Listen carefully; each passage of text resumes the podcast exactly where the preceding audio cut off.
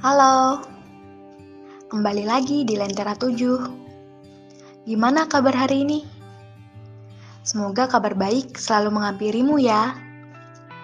Kalian pasti udah nggak asing kan dengan kata disiplin?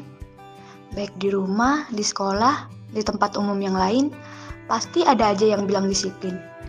Jujur, kalian bosan gak sih dengar kata disiplin? Sebenarnya disiplin itu apa sih? Kenapa orang-orang selalu bilang disiplin, disiplin, dan disiplin? Disiplin itu artinya ketaatan atau kepatuhan terhadap peraturan.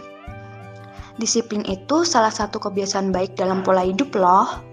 Eits, nggak hanya itu. Bahkan sebagian orang percaya bahwa disiplin dapat menjadi salah satu kunci sukses keberhasilan seseorang dalam menuntut ilmu.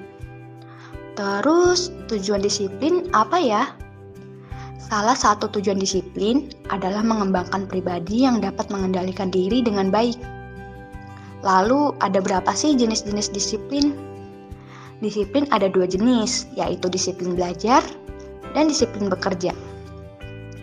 Disiplin belajar sebenarnya suatu bentuk kesadaran diri untuk mengendalikan dirinya, Sedangkan disiplin bekerja dalam KBBI adalah latihan batin dan watak dengan maksud supaya segala perbuatannya selalu menaati tata tertib. Nah, kalian udah tahu belum manfaat disiplin? Manfaat disiplin ada banyak loh. Yang pertama, menumbuhkan kepekaan. Yang kedua, menumbuhkan rasa kepedulian. Yang ketiga, menumbuhkan percaya diri.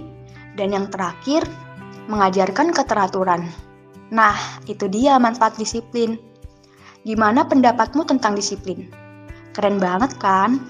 Ayo terapkan hidup disiplin mulai sekarang. Semangat terus!